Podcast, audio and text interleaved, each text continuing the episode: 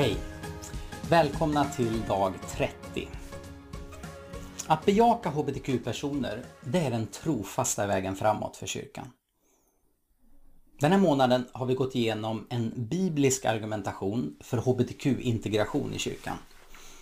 Och som avslutning på den här månaden så kommer jag att utgå ifrån en text skriven av Robert Eriksson. Det jag vill avsluta med, det är det som för mig är den viktigaste utgångspunkten. Att se på Jesus. Jesus är för mig filtret genom vilken vi tolkar Bibeln. Och Jesus är centrum för det liv som vi formar som kristna och som församling. Och därför vill jag läsa den här texten som Robert har skrivit om Jesus och lagen. Så här skriver Robert.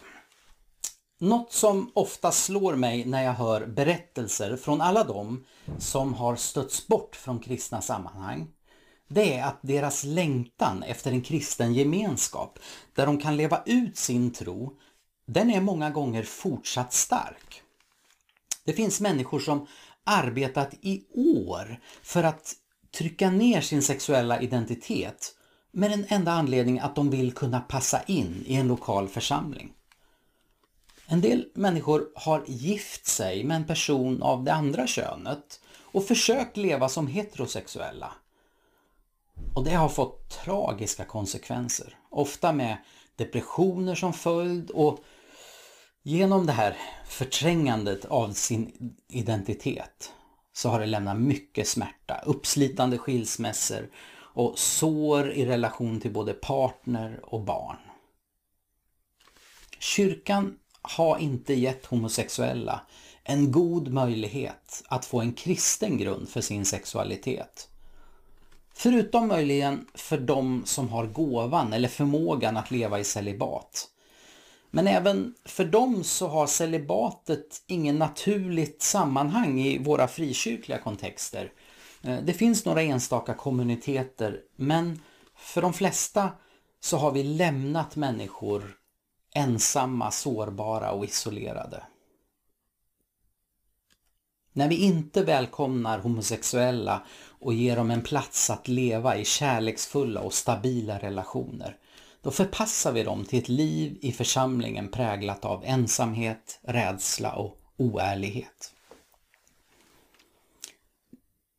Det här innebär att frågan om att välkomna hbtq-personer i församlingen, det är egentligen ingen fråga. Det är någonting som handlar om människors liv på ytterst allvarliga vis. Och därför ska vi titta på Jesus, för det man ser det är att det är alltid människor som är i fokus i Jesu undervisning, inte enskilda påbud. Låt oss börja med att titta på när Jesus botar en människa på sabbaten. Och han märker att de laglärda kritiserar honom och så säger han Vad är tillåtet på sabbaten? Vad är tillåtet på sabbaten? Att göra gott eller att göra ont? Att rädda liv eller att döda? Jesus hade botat en man som hade en trasig hand. Han kunde ha väntat med att bota den här personen till en vardag. Men ändå gör han inte det, utan han botar på sabbaten.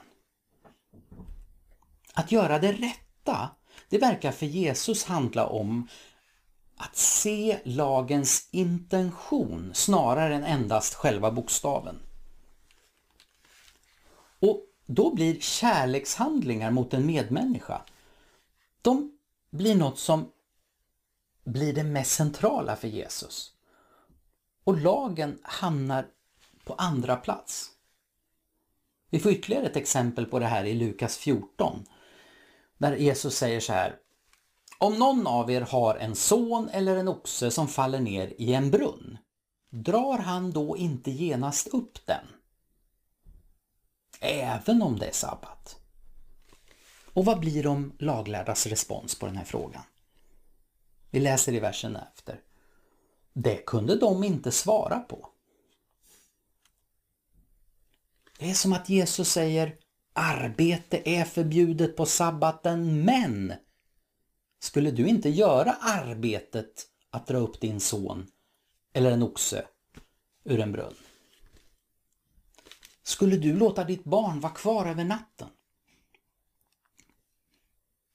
Med andra ord, lagen är viktig, men Gud bryr sig om människor mer än lagen. Och det är precis det Jesus säger på ett annat ställe. Han säger sabbaten är till för människan, inte människan för sabbaten. Eller med andra ord, som princip så kan vi förstå att Jesus menar att lagen är till för människan, inte människan för lagen. Jesus använder en av de symboliskt viktiga lagarna för det judiska folket på den här tiden för att visa på Guds tanke med lagen som helhet. Lagen ska alltid ses genom linsen som är Guds kärlek till människorna. Precis som Jesus säger i Matteus 12 till de laglärda som kritiserar, de kritiserar lärjungarna för att de rycker ax på sabbaten. Så säger han till dem, om ni förstod vad som menas med det som står i skriften, barmhärtighet vill jag se, inte offer, då skulle ni inte döma oskyldiga. Jesus menar att om de laglärda hade förstått att Gud vill se barmhärtighet framför allt, då skulle de döma annorlunda. Och så säger han till de laglärda, eller om de laglärda så säger han, de binder ihop tunga bördor och lägger dem på människors axlar, men själva rör de inte ett finger för att rätta till dem. Många hbtq-personer upplever precis detta, att kyrkan gör detta mot dem. Men Jesus var annorlunda. Han ville visa hur vi alla kunde leva heliga liv. Men det handlade aldrig om lagen i sig, utan alltid om Guds kärlek till människor. Så när bokstaven hamnade i vägen för människan, då var det lagens intention, Guds kärlek och omsorg till människan som gällde för Jesus. Ja visst, bokstaven säger inget arbete på sabbaten, men lagens intention, anden, den säger Gud älskar den här personen för mycket för att jag ska gå förbi och inte hjälpa honom.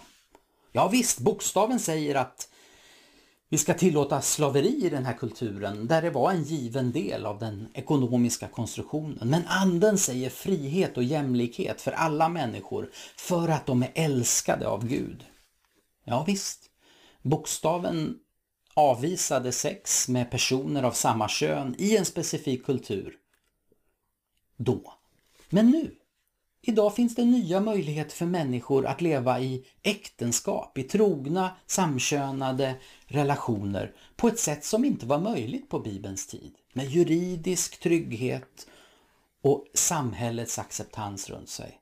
Så idag så talar anden till många för att närma sig, att närma sig den här frågan och se vilken frukt blir det av att välkomna hbtq-personer. För Jesus sa, så bär varje gott träd god frukt, men ett uselt träd bär dålig frukt.